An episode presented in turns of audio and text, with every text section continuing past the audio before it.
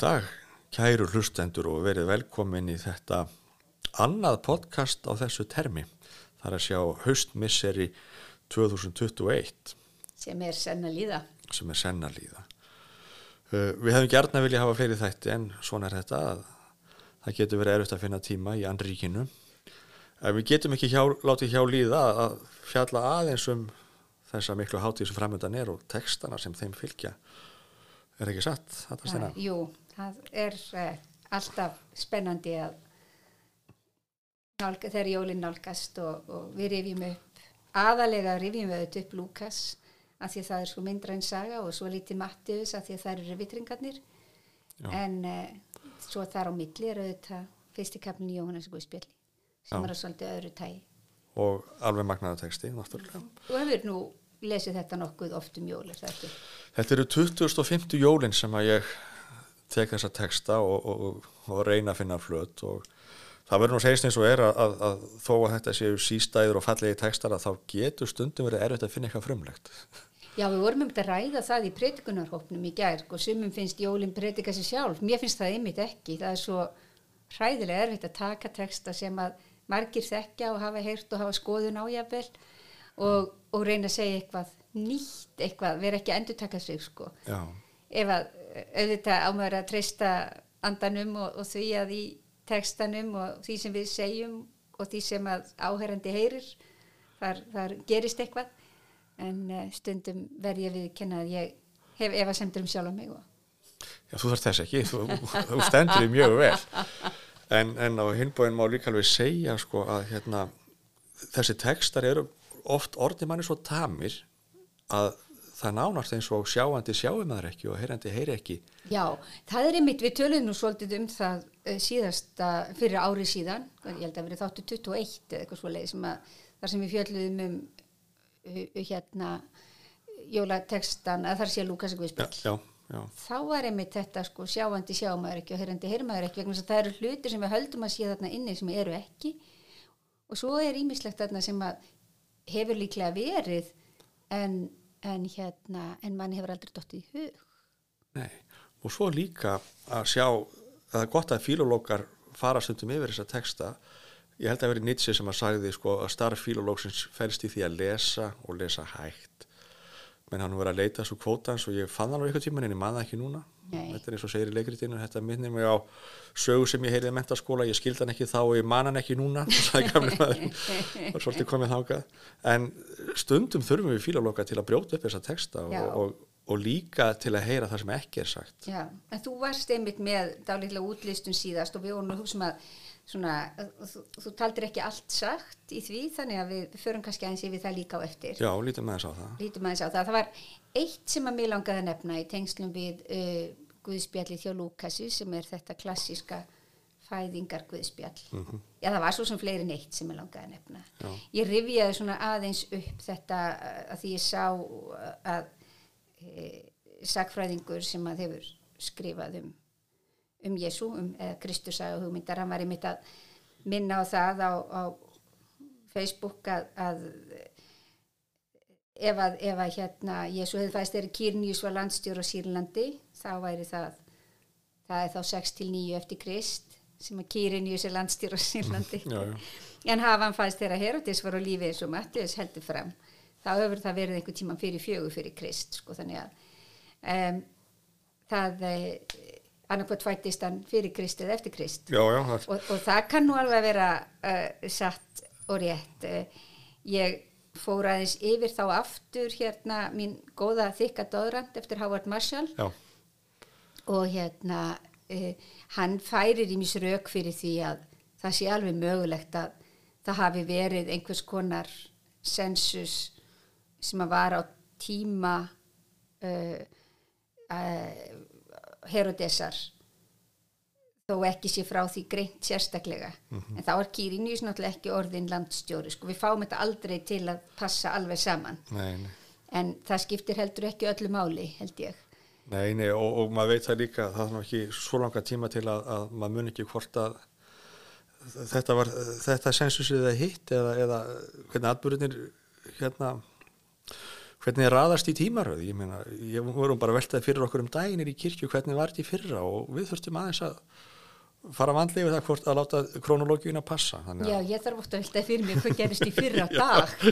og ef við hugsim um þetta sko að þá er uh, Lukas Guðspjall ég uh, hallast að þeim sem segja að það sé skrifað um 8-10 eftir Krist kringu það. Já. og það þýðir þá að þá eru svona 50 ár frá því að Ísu dó eða 40-50 ár. Já. og uh, þannig að maður er að uh, horfa á sko að uh, það getur ímislega skólast til og svo megum við heldur ekki gleyma því að Guðspjallamennir þeir eru að setja fram sögu Jésu til þess að segja eitthvað ákveðið. Já, og þarna er ímislegt undir. Til dæmis ef að við rifjum upp þegar Kyrinius var landstjóra í Sýrlandi og hann hét reyndar, mér langar bara að nefna það Já. að mér fannst það eitthvað fyndið. Publius Sulpicius Kyrinius eða segir Sulpicius, ert þú í ég- Kíkeró já ég, ég er í K frambörðinu þú sko, ert í svona kífirikeraður, já. Kífili keraður og, og hérna, held með kíkiró og allt það. Já Það var þess að Publius Sulpicius Kyrinius var Mhm. landstjóri á Sýrlandi. Já, og súlbíkjarnir voru merkilega eitt í Róm. Já, já, já, já. Þannig að hann, það- hann, er, hann vex nú heldur við þetta. Hann vex heldur við þetta. Já, já. ok, ég var ekki nógu vel að mér til að vita það. En hann er það 6 til 9 eftir Krist. Og, og hann viss, vissulega var með uh, mantal Mhm. uh, í skattatilgangi. Og þegar það mantal var þá urðu óerðir í júti uh, sem greint er frá í 5. kapla posturasögnar eða svona referera til og líka hjá Jósefussi held ég. E, og þess vegna kannski er mikilvægt að þarna er nefnt mantal og Jósef er hlýðin borgari. Jósef fer til sinnar sveitar, hann hefur hugsanlega verið frá Betlehem, kannski sterkari tengsl en við hefðum haldið allarleið frá Galilegu til Betlehem. Uh, það kann að vera að þetta sé sett upp svona einmitt vegna þess að Lúkas vill ítrekka að uh, hinnu kristnu er ekki á móti yfirvöldum. Já. því að þegar þeir þegar að Lúkas og Guðspjall er skrifað séða skrifað um 80 já, þá eru auðvitað gýðingar og eða þess allir sem koma frá Palestínu í svolítið erfiðu málum gagvart rómaskum yfirvöldum vegna þess að 70 eftir Krist eins og við höfum oft nefnt þá er Jérúsalem lögð í eigði eftir selóta uppröstnina en uh, þannig að, að þetta var eitt að uh, þessi fjölskylda henni er svona lift fram. Ég hef mikið verið að velta fyrir mér líka ef að Jósef var frá Betlehem og átti hugsaðlega einhverja eignir þar, það er kannski eina skýringin sem að sumi reitskýrendur gefa á því hann hafi í alveg þurft að fara þangað fyrir manntal þá hefur hann átt fjölskyldu þar. Já, og þá komum við aftur að þessu með sem við nefndum nú eitthvað í fyrra að gisti húsaeigandin sem að kemur fram í eiginlega öllum helgi leikjum í skólum og svona. Hann er hverki nefndur og hann var kannski ekki til staðar og það reyndi ekki víst að það hafi verið gistihús í Jérúsalem á þessum tíma. En eh, eh, Kataluma er notað yfir svona loftherbergi eða loftsal. Já, já. gæti verið einhvers konar greiða hús auðvitað en gæti líka mjög líklega verið bara efri hæðin hjá fjölskyldunni við erum að tala um svona fjósa baðstofu dýrin niðri, fólkið uppi já, já. En það er illt að vera slandir á svona heila stjett manna að tala svona illum gístúrsegjanda Já. þannig að svo blásaklus. já, einmitt nákvæmlega. Og gistu segjandur hefur gladir tekið á mót þeim eru gláfi skulum ítrykka þetta núna á svona COVID-tímum það er þessi stjettur að þóla nóg. Já, sérstaklega ferðarþjónustan, það má ekki við fleiri skrokkskjóðum held ég. Já, þannig að í staðin horfum við til fjölskyldu uh, Jósef sem af einhverjum ástæðum gæti ekki haft þau, kannski voru svo margir upp í herbygginu að það var erfitt að koma við konu þar að fæða. Og kannski líka þetta að það kemur fram í textanum, ég lasa nefnilega hægt núna. Já, og horfði allt hennu á orðin meðan þau dvöldu þar koma því hún skildi verða léttari. Meðan þau dvöldu þar af því að í svona helgileikjum og bíómyndum þá er Marja yfirleitt bara um það bila fæða þegar hún kemur til Jérúsalem og það verður þessi gríðarlega panik þegar það er ekki pláss í gistuhúsinu og svona.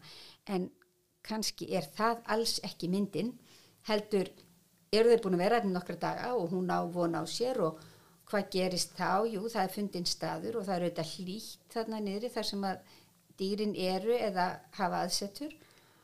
Og það má reikna með að það hafi komið hópur af konum og, og hjálpað henni við fæðinguna. Já, og mér finnst sko það er eitt af því sem vantar í já, Guðspjallið alveg hárið þar komu, þangað komu allar góðar konur og aðstóðu já, mér finnst, mér finnst það svolítið uh, mikilvægt. Það er ekki nefnt en, en það var líklega. Eh, ég- gistúðseigandinn er ekki nefndur og hann var líklega ekki. Nei, nei, nei, það er hérna það alveg hárið já, sko málið er að ég held að þessi frásögn hjá Lúkasi jafn orðmörg og nefnum annars að það var nú samt mjög knöpp og, og skilur eftir fjölda margt einmitt svona til að, velta fyrir sér sem að þarf eiginlega að fá til þess að láta myndina ganga upp. Já, ef það væri ekki bíómynd eftir þessu að þá er svo margt sem þarf að draga inn í senuna til að hún bara hreinlega virki og gangi upp og, og, og, og, og þetta verið trúverið til einu verið sko. já, og hún hefur náttúrulega hefur gerð bíómynd já. nýjast er mitt nativity story uh, ég held að hafi ekki verið gerð neinn nýrri og þar er gistúðseigandinn Nú er það þar? já, já, Já, já, já, hann er ok. þar en engar konur aðstofi fæðinguna Nei, það er verða. Nei, þannig að þeir hefðu nú betur talað við mig fyrst Já, það er ég alveg á því. það segir sér sjálf. þetta er þessi sjálf en, já, já, en þetta er nú auka atrið, svo er auðvitað til uh, sá skóli sem segir að þetta er bara allt helgisaga Já, já. líka það að þeir hafi farið til Betlehem og, og við getum aldrei fullirt neitt um það við, við getum bara fullirt að fyrir Lúkasi var mikilvægt að segja söguna svona Já. og það sem hann er þá að ítrekka er meðal annars að Jésu er af ætt Davids Já, sem var mikilvægt fyrir uh, geðinga og fyrir, fyrir bara söguna Messias, sá sem leysi þjóðina hann er að vætta við já og, og, hérna, og frá þér Betlehem er frata, var það ekki? Jú. Á að koma sá. á að koma nákvæmlega, það tengist Já, og, það, og svo má líka horfa á uh, maður getur alltaf velt fyrir sér hvers vegna segir Lúkas þetta svona hvers vegna eru fjárhyrðarnir þarna? Já. ég nefndi nú í fyrra og, og get alveg sagt aftur að fjárhyrðar voru ekki fólk sem að var í hári stöðu. Að vegna þess að þeir höfðust oft við upp á heiðum og úti og þá áttu þeir erfitt með að sinna þessum hefðbundnu aðtöfnu sem tengdust já, helgi haldi af þessu leiti eins og bara ritual bað og annað slíkt. Og þess vegna má segja að þetta sé svolítið jaðarsettur hópur eða allavega ekki hópur sem var mjög hátt metinn. Hins vegar má líka nefna að Davíð konungur sem ungur maður hafi verið fjárhyrðir nákvæmlega. þannig að það eru svona undirliggjandi þarna þræðir sem tengja bæði við Davíð og líka við þá jaðarsettu sem að maður sér einmitt talsvert af í hjá Lúkasi. Já, Svo er annað við það að Jésu fæðist sko meðal dýra, ég fór að hugsa um þetta út frá þessari jaðarsetningu, hvort að sko Lúkas sé að segja með þessu, það var ekki pláss fyrir Jésu meðal mannana. Já. Þannig að hann, hann fæðist meðal dýra en það kann að vera fullmikið sagt. Já, já, en, Ég hef líka heyrt uh, þá skýringu að það ættingjar Jósefs hafi ekki verið sáttir við Mari og talið eitthvað ekki alveg á hreinu með, með tilur barnsins Já, já. og þess vegna hafa hún ekki fengið að vera í Katalíma í, í lofterbygginu Já, já. en það finnst mér líka frekar látt svo. já, já, en það má tengja þetta í margar áttir. Ég held að, að þessi dýrapæling sé, tengist nú líka held ég, var ekki ég sæja, það sem að í þúsundara ríkinu þegar að, að hérna öll dýrin lifa saman í frið og spekt. Já, já, Ég meina, þú getur, það eru hugrenningateng sem fara mjög víða í þessu. Og mér finnst það líka mjög interessant að, að sem þú segir með hérna, hérna jaðarsettu og að englarnir byrtist þarna. Jú, jú, er, er, það enginn af Lúkasi, hann, hann dregur fram þá jaðarsettu. En það má líka vel vera að þetta sé svona, svolítið svipað eins og með upprisu frásagnirnar, þar sem að, hefðin er orðið svo sterk að þeir geti ekkit vikið sunda því að það voru konur sem að sáu, voru fyrstu vottarnir að, að, að hérna að hafi englarnir byrst þarna þá og, og þá þá er strax komin greinlega einhver hefð fyrir því að, að, að það sé meðal þessara jæðarsettin ekki ég veit það ekki á musteri sæðin eða eitthvað? Já, ha, eða, eða við helgihaldið eða, eða e- eins og til dæmis er framar í Guðspillin með Jóhannes þegar hann hérna þegar að tala um fæðingu hans. Já, en, uh, en þú ætlaðir að tala eins um uh, hið skemmtilega smáord ke, Kæ, já, Kæ já, ke á nýgrísku sko. Ekki, ég já. tala alltaf með Já, nýgrísku heyri- framburði. Ég heyri það. Já, ég nefndi það hérna í fyrra, ég er mjög upprifin yfir þessari bók eftir uh, filológ franskan sem að heitir Edouard uh, Delebec og ég var nú að reyna að googla hann um daginn. Það er bara hreinlega í gær og, og komst að því að það veit ekki mikið um hann. Hann fætti 1910 og dáin 1990 held ég og uh, hann er sérst filológ og hann hefur bæði gefið út tölvert mikið af, af hérna af sko uh, uh, já, nýja testamentisritum og líka klassík uh, gamla gríska, xenofón og, og, og mér minnir leikritaskaldur líka ykkur sko. þannig hann er mjög vel verseraður og hann, hann tekur í raun og veru þennan dýrðarsöng englana sem að það verður nú að segjast eins og er að þeir, þeir tala ekki af sér blessaðir af því að þessi dýrðarsöngur er svo ofbáslega knappur. Mm -hmm. og í raun og veru mjög förðulegu texti og hann er ekki hann er ekki auðskilin, svo ég segi það bara reynd og til að mynda það er engin greinir ákveðin greinir í textanum sem er frekar óvanalegt fyrir grískuna og það eru ákveðin ákveðin hérna það eru ákveðin uh, skilabóð með það hvernig þessi texta á að vera. Og eins og hann segir líka hann er mjög mittlaður og þar fyrir utan að þá er engin sögn í persónuhætti. Og svo ég rifi það nú upp kærumálfræðingar að til þess að setning sé setning þá verður að vera sögn í persónuhætti. Ef það er ekki að þá erum við með svo kallar nominal setningar og þá þarf svolítið að ráða í hvaða sögn eigi að vera yfirleitt er að sögnin að vera. Já, þú manns kannski hvernig þetta er. Þar að segja, í nýðu þýðingun er, er þýðingin á dýrðarsögnum svóljóðandi dýrð sé guði í upphæðum og friður á jörðu og velþóknun guðus yfir mönnum. Gott og vel.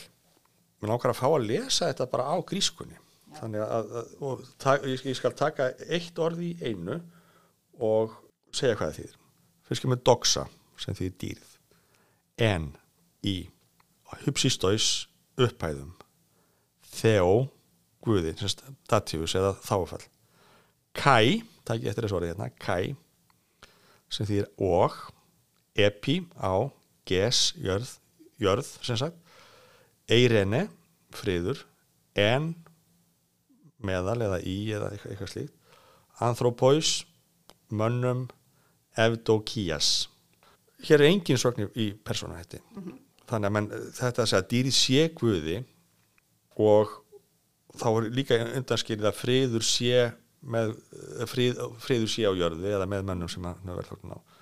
Að þarna myndi grískan annarkort hafa estó sem væri bóðhattur í, í þrýðu personu þar sé að dýrðin á að vera guðs og friður sé þá verður það eigi sem er optatífus sem er ennanar personaháttur já, eins og hvatningarháttur Nú, ef við skoðum lat, latnesku þýðinguna þá segja þið bara gloria in altissimis deo þar er að segja dýrð í upphæðum guði et in terra pax og á jörðu friður hominibus bone voluntatis mönnum góðs vilja. Latinan er þannig að hún er ekki með ákveðin greini þannig að þeir sleppa svolítið bilja frá þessu meða við nýjumálin frakkættin þurfa að hafa greini til dæmis og svo ég ítrykkið þannig að þá er þessi bók sem að hann er frakki eða belgi maður sem skrifar þessa bók. Gott og vel.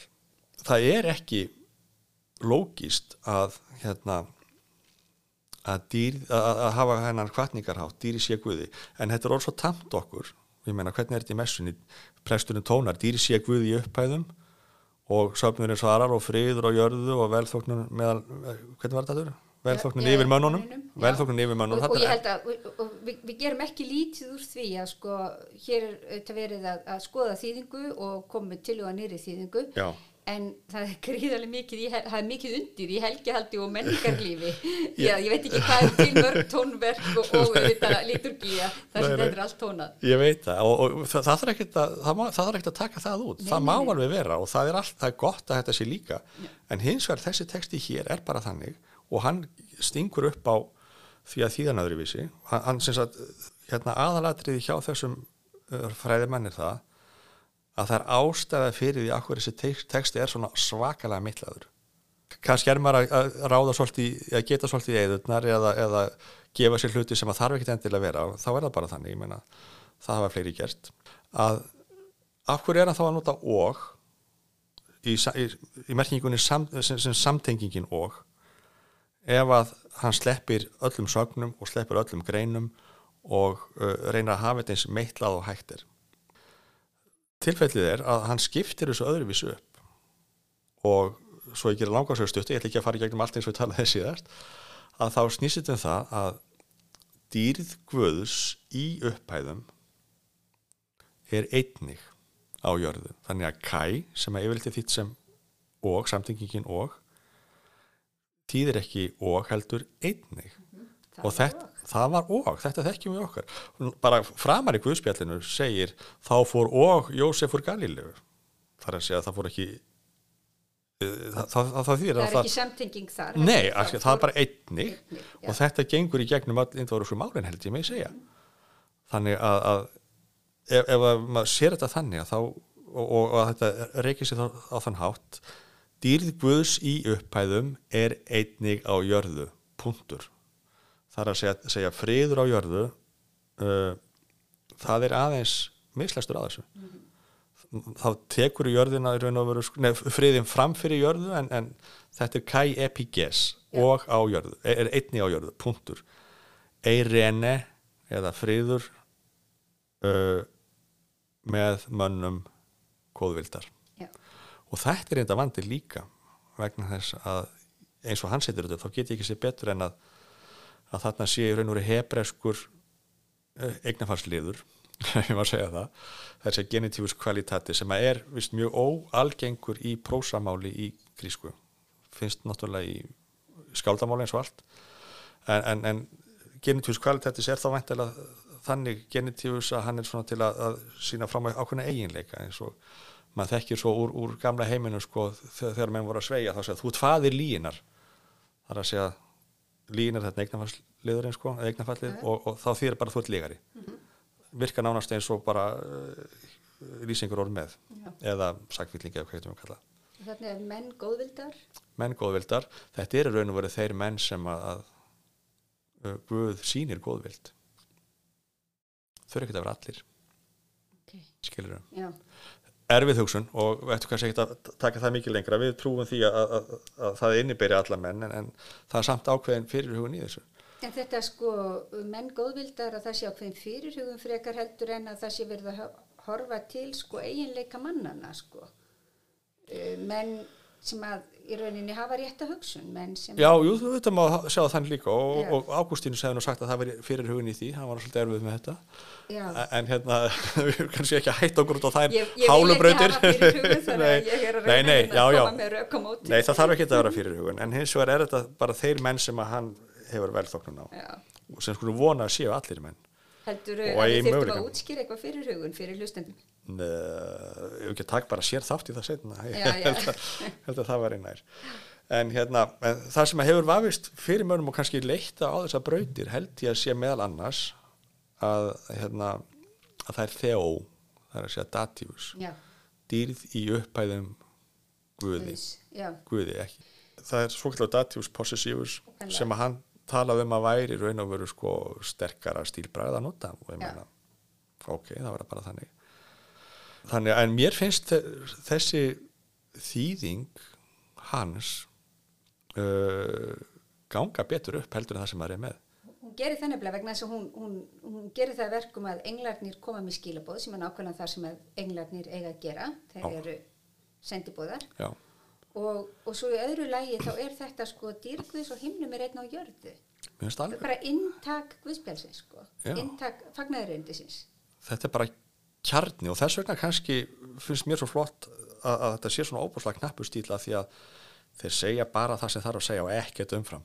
En kannski svo lítið að, hérna, að það þarf aðeins að, að setja að melta þetta.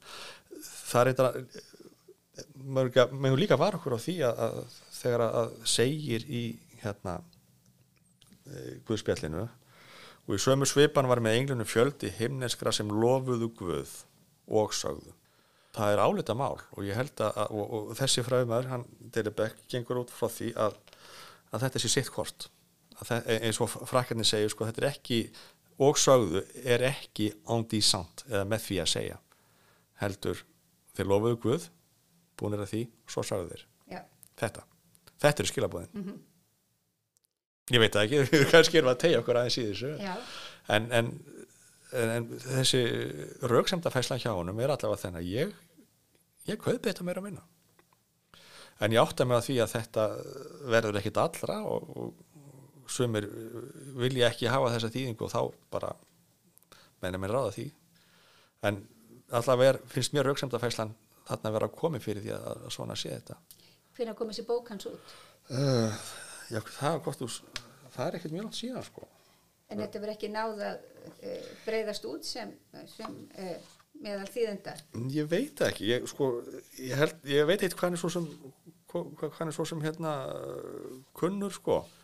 Uh, þessi sýnist mér koma út uh, 76 og hann er svo sem uh, hérna, skrifaði um fleiri, hann skrifaði um Xenophon og Euripides Já, en Og ég er að hugsa um sko, og það er biblíðingar sem hafa komið síðan sko, Já. að þetta er ekki fræði álit sem hefur náð mikill í útbreiðslu Nei, ég held ekki.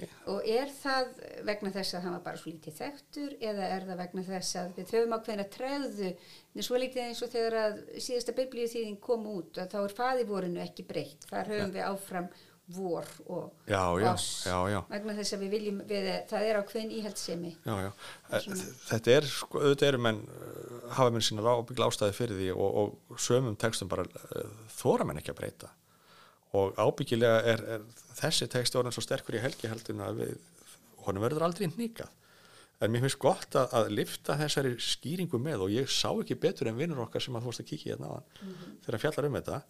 Hann, hann svo sem skautar yfir það en, en merkingin á bakvið er svo sama. Já, það er að segja að að hérna Guð verður maður þetta er náttúrulega kraftaverkið og, og, og í því sem felst frelsunin. Og það er þetta ekki eitt sem að segja líka hann, hann Delebek, það er sambandi við Eiren eða, friðin að, að hann tengir að mjög stert við það sem að frakættin kallaði salý heill, hjálparæði. Og friðurinn og þarna bakvið held ég að segja að friðurinn er ekki eins og það horfa á stillimyndina sko. Nei, nei, friðurinn er alltaf shalom. Hann er sjálfum, hann er aktífur og hann er, það er eitthvað að gerast í honum. Uh, þetta er friður með réttlæti þetta er bara friður til að fá að lifa eða, sérst, og, og, og, og komast á aftur í tengsl við þið skapaði eðli sem að okkur var uppálega ætlað en við töpuðum ykkur stóra leiðinni. Já, þannig að, að, að Chris Atburun er akkurat þetta. Guðveru maður til þess að hjálpa mannunum aftur á lappir. Já. En eins og þú segir, við erum ekki að reikna með að jóla guðspjallinu sem slíku verði breytt en það ákveðin íhjaldsemi og það er nú ekkit skrítið ef hort er til annara jólahefða, bara landans. Ég veit ekki hvað ég er búin að lesa mikið um hambúrgarhrygg undarfærið og Já. svona það, það, eru, það, breytingar gerast mjög hægt. Sko, jólin eru þessi típiska hátíð endurtekningarinnar og, og minningana og verða svolítið eins og magnari á alla tilfinningar. Maður tekur eftir því að, að þeir sem að hérna, eiga vondar minningar af jólum þá voru jólin ennþá verri en, Já. En svo náttúrulega höfum við þetta líka í hináttina að öryggið og, og, og, og, og hérna, velíðanin í endurtekningunni er held ég sterkust þarna í jólunum. Já. En það eru fleiri textar sem við lesum um jól, við lesum Jóhannes, Já, já, fyrsta kapla Jóhannes Guðspjall, í upphaf var orðið og orðið var hjá Guði og orðið var Guð. já. Kannski talar þessi texti svolítið sterkar til okkar núna í kófinu, því þetta talar svo mikið um myrkrið og myrkrið tók ekki við ljósinu og við erum hérna í kófi en, og sjáum alltaf handa skil en svo skín ljósið Já, ha, ljósið skín í myrkrinu en myrkur hefur ekki tekið á móti því. já, Þá er líka svo gott að minna sig á það sko að, að það sem er svo stórkoslegt við ljós, að þú ert í herbergi þar sem er nýða myrkur, jáfnvel stóru herbergi Já. og þú kveikir eitt lítið ljós, þá sést það. já ég veit það. þess að ljósið er sterkar en myrkri. já, já, já, já. algjörlega sko. Og, og hrekur það burt. En, en náttúrulega sko það þyrfti ábyggilega annan þátt undir, undir hérna formúla Jóhannesar af því að þetta er tengingarnir með logosið er svo gríðarlega þetta, svo, þetta næri svo margar áttir. Og, og, og þarna tengdu gríkirnir algjörlega við Jóhannes. Þeir eru lásu í upphafi var orðið það sé að logos og þannig kemur á enn eitt vesenni með þýðingarnar að, að orð er hvorukinn hjá okkur en kallkinn hjá í grískunni sem að verður til þess að, að þá verður sko breytingin frá því að tala um orð sem hugsun og, og skinnsemi og viti í tilvörunni þannig að hokma á bakvið mm -hmm. hérna, hebræsk orðið fyrir spekina sem að var með Guði upp að þennan skapaði. Þannig að þengingarnir eru sterkar í allar áttir. En svo kemst hann svo auðveldlega yfir í og orðið varð hold þar að segja hann, þetta logos var maður. Kyni breytist ekki, þið málfræðilega kyni við slumum aftur okkur á því. Og, og hérna uh, og þarna sko tóku krikitin um hausin og sagði nei, hættu nú alveg. Já, hann hafði þú alveg fram að því. Já. Svo kom orðið var hálfa Nei, hættu nú þetta gengur nú ekki. Þetta er óleifilegt Söðu krikitin, vegna þess að fyrir þeim var náttúrulega hinn reyna hugsun uh, reyna nánast andstæða hinnu líkamlega og, og, og hálflega mm -hmm. uh, Já Já En svo, erum við með þriðja guðspjallið Já og það er náttúrulega Mattus sem er já, öðrum þræði flótamanna saga. Já, sagum útlendinga og flótamenn. Útlendinga og flótamenn. Og vandastjórnendur. Já, og hærisleitendur. Mm -hmm. En það ekki? Að Jú, í rauninni. Sko, og, og það var eitt sem var að hugsa með uh, Mattus og Guðspjall, en það er sem sagt, svo versjón, þar fæðist Jésu í Betlehem, án þess að án þess að neitt sé verið að ræða um manntalið annars líkt. Það er engin skýring gefin á því en hann fæðist í Betlehem og Jósef leikur að vissuleiti stærra hlutverk í Mattiðs og Guðspjalli meðan að Marja leikur stærra hlutverk í Lúkasi en það Lúkas konur eru meira ábærandi í Guðspjalli en annar staðar. en, en Jósef leikur þarna stærra hlutverk og og hérna það sem að mér fannst svolítið áhugavert samt þegar maður ber þetta saman að þá er það hyrðarnir sem koma og veita Jésubarni lotningu. Þessi mm. svona tiltölla jaðar sett í hópur Já. ef að það er rétt tólkun og síðan eru það útlendingarnir hjá Mattiusi þar að segja þessir vísumenn frá eh, líklega Babylon sem að koma og, eh, og veita honum lotningu. Og þá er verið að undirstreika það að, að, að eh, það, eru, það eru útlendingarnir sem þekkja það Já. er ekki hann var ekki spámaður í föðurlandi. Nei. Og Herodes, konungur sem að geðingar viður kendur nú í rauninni ekki sem konung. Sko Herodes var nefnilega ekki af ætt Davids og undirstrykunni þannig er Jésús var af ætt Davids já. Eh, Herodes var hann var ítumeður ekki? Jú, jú. E, sem var ekki geðingar þjóð og eða móður hans var ítumeði mm. þannig að hann hafði komist til valda og, og verður mjög valda mikill en hann var líka mjög paranóitt ég held við höfum farið svolítið yfir það í fyrra sko, hvernig hann draf síni sína og tengdamóðu sína Já, þannig að, að sagan um barnamorðin sko, hún, hún í rauninni fær svo mikinn hljómgrunn það er, það er engar heimildur um það en hún fær svo mikinn hljómgrunn hjá fólki að því að hann var bara þekktur fyrir svona uh, stórar ákvarðanir að, meðal annars að drapa hann sína í sinni sko, vegna sem hann hrættur um að þeir stælu völdum sem þeir kannski ætluði að gera, ég ætla ekki að fullir um það. Nei, var þetta ekki komað praktis hjá, hjá Paranoid einræðisherrum að, hérna, drepa alla samkeppnisæðila og þetta gerir nú uh, Ágústus var það ekki við já, fóstur bróður sem væntanlega hérna, Cesarion, svon Kleopötur og Cesars mm -hmm. að drepa alla sem að gáttu hérna, ruggamönnum eða ógnaði með völd sko. En, en þegar að, að Jésúf, neða, Jósef fær, fær, sagt, fær bóð um að, að hann þurfa að flýja. Já. þannig að, að hann flýr til Egitalands og þeir verða það þangað til að hérna, það er á þetta snú aftur þegar kongurinn nýtliði döður Já, og, og það er sko þar erum við í þessari sögu. Það er sem er svo fallegt við hann einmitt er að hún, hún setur Jésu líka meðal, meðal hinn að lagstu meðal landflóta fólks já, já. og síðan kemur hann tilbaka og ég ætla ekki að segja hann hafi verið beint hælisleitandi þegar það var kannski átt fjölskyldu sem þeir koma til þannig að við getum frekar að tala um fjölskyldu saminningu en við notum svona flótamannamál en hann flúði til Eikitalands hann flúði til Eikitalands og, og, hérna, og það er sko það er hérna útlendingar annars vegar sem koma og þekkja og síðan flýja þau. Já, já. Og, og þessu er mjög oft lift fram með mitt hjá til dæmis alkirkjuráðinu og þessum kirkju uh, samtökum sem er að berjast fyrir réttindum eða annars hælisleitenda og, og fólks á flótta almennt og að, að sko kirkjur eigi að horfa til þess að Jésús var líka í þessari stöðu. Já, já, og þú átt að sjá Jésú í náunga þínum. já, já, já. En það er flott hvernig þú dregur það fram að það voru sko hinnir vitru og, og, og, og já, ríku, var náttúrulega kallaði konungar, hérna, magójarnir sem að koma að austan, anspænis og hérna, fjárhirónum í, í Lúkasakvöðspjalli. En, en kannski mættus með eiginlega allt spektrumið, eins og maður sér. Það eru, það eru þenni ríku sem að koma veitun og lotningu og Eða hinn er vitru. eða henni vitru, já. Og henni vitru náttúrulega. Og svo verður hann sem sagt í, í þessari, já, einna erfiðustu stöðu sem ég geta verið í held ég sem hérna flótamenn Já, nákvæmlega. já, já.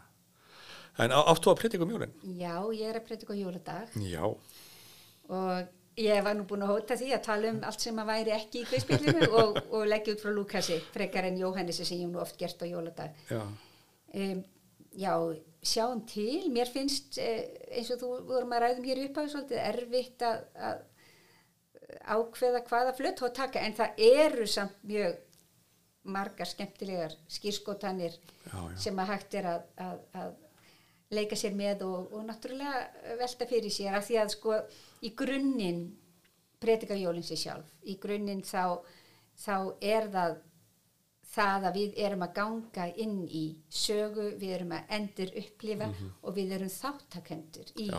sögunni. Það er það sem að jólinn gera fyrir okkur og ég fór á jólatónleika í gerkvöldi hjá Kóru Neskirkju og upplifði þá þessa sko, þetta sem ég er búin að sakna náttúrulega eh, eftir allt síðasta COVID ár Já. að við fengum að hafa svona almennur söngu líka. Fyrsta lagi var þetta svolítið eins og svona best of. Hérna, þetta var eins og svona ég hefði valið lagalista á Spotify með upp á sjólasalmunum mínum, það var allt sungið.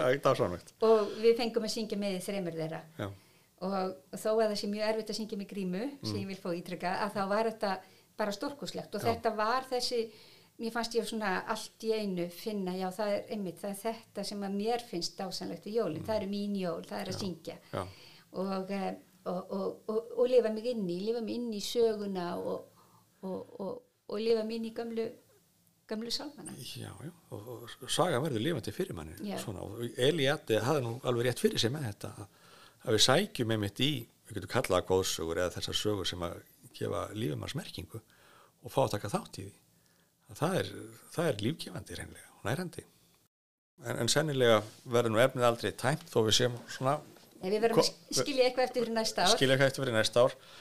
En við óskum hlustundum okkar uh, uppbyggilegra raðvendu og gleðilegra jóla þegar þau koma. Gleðileg jól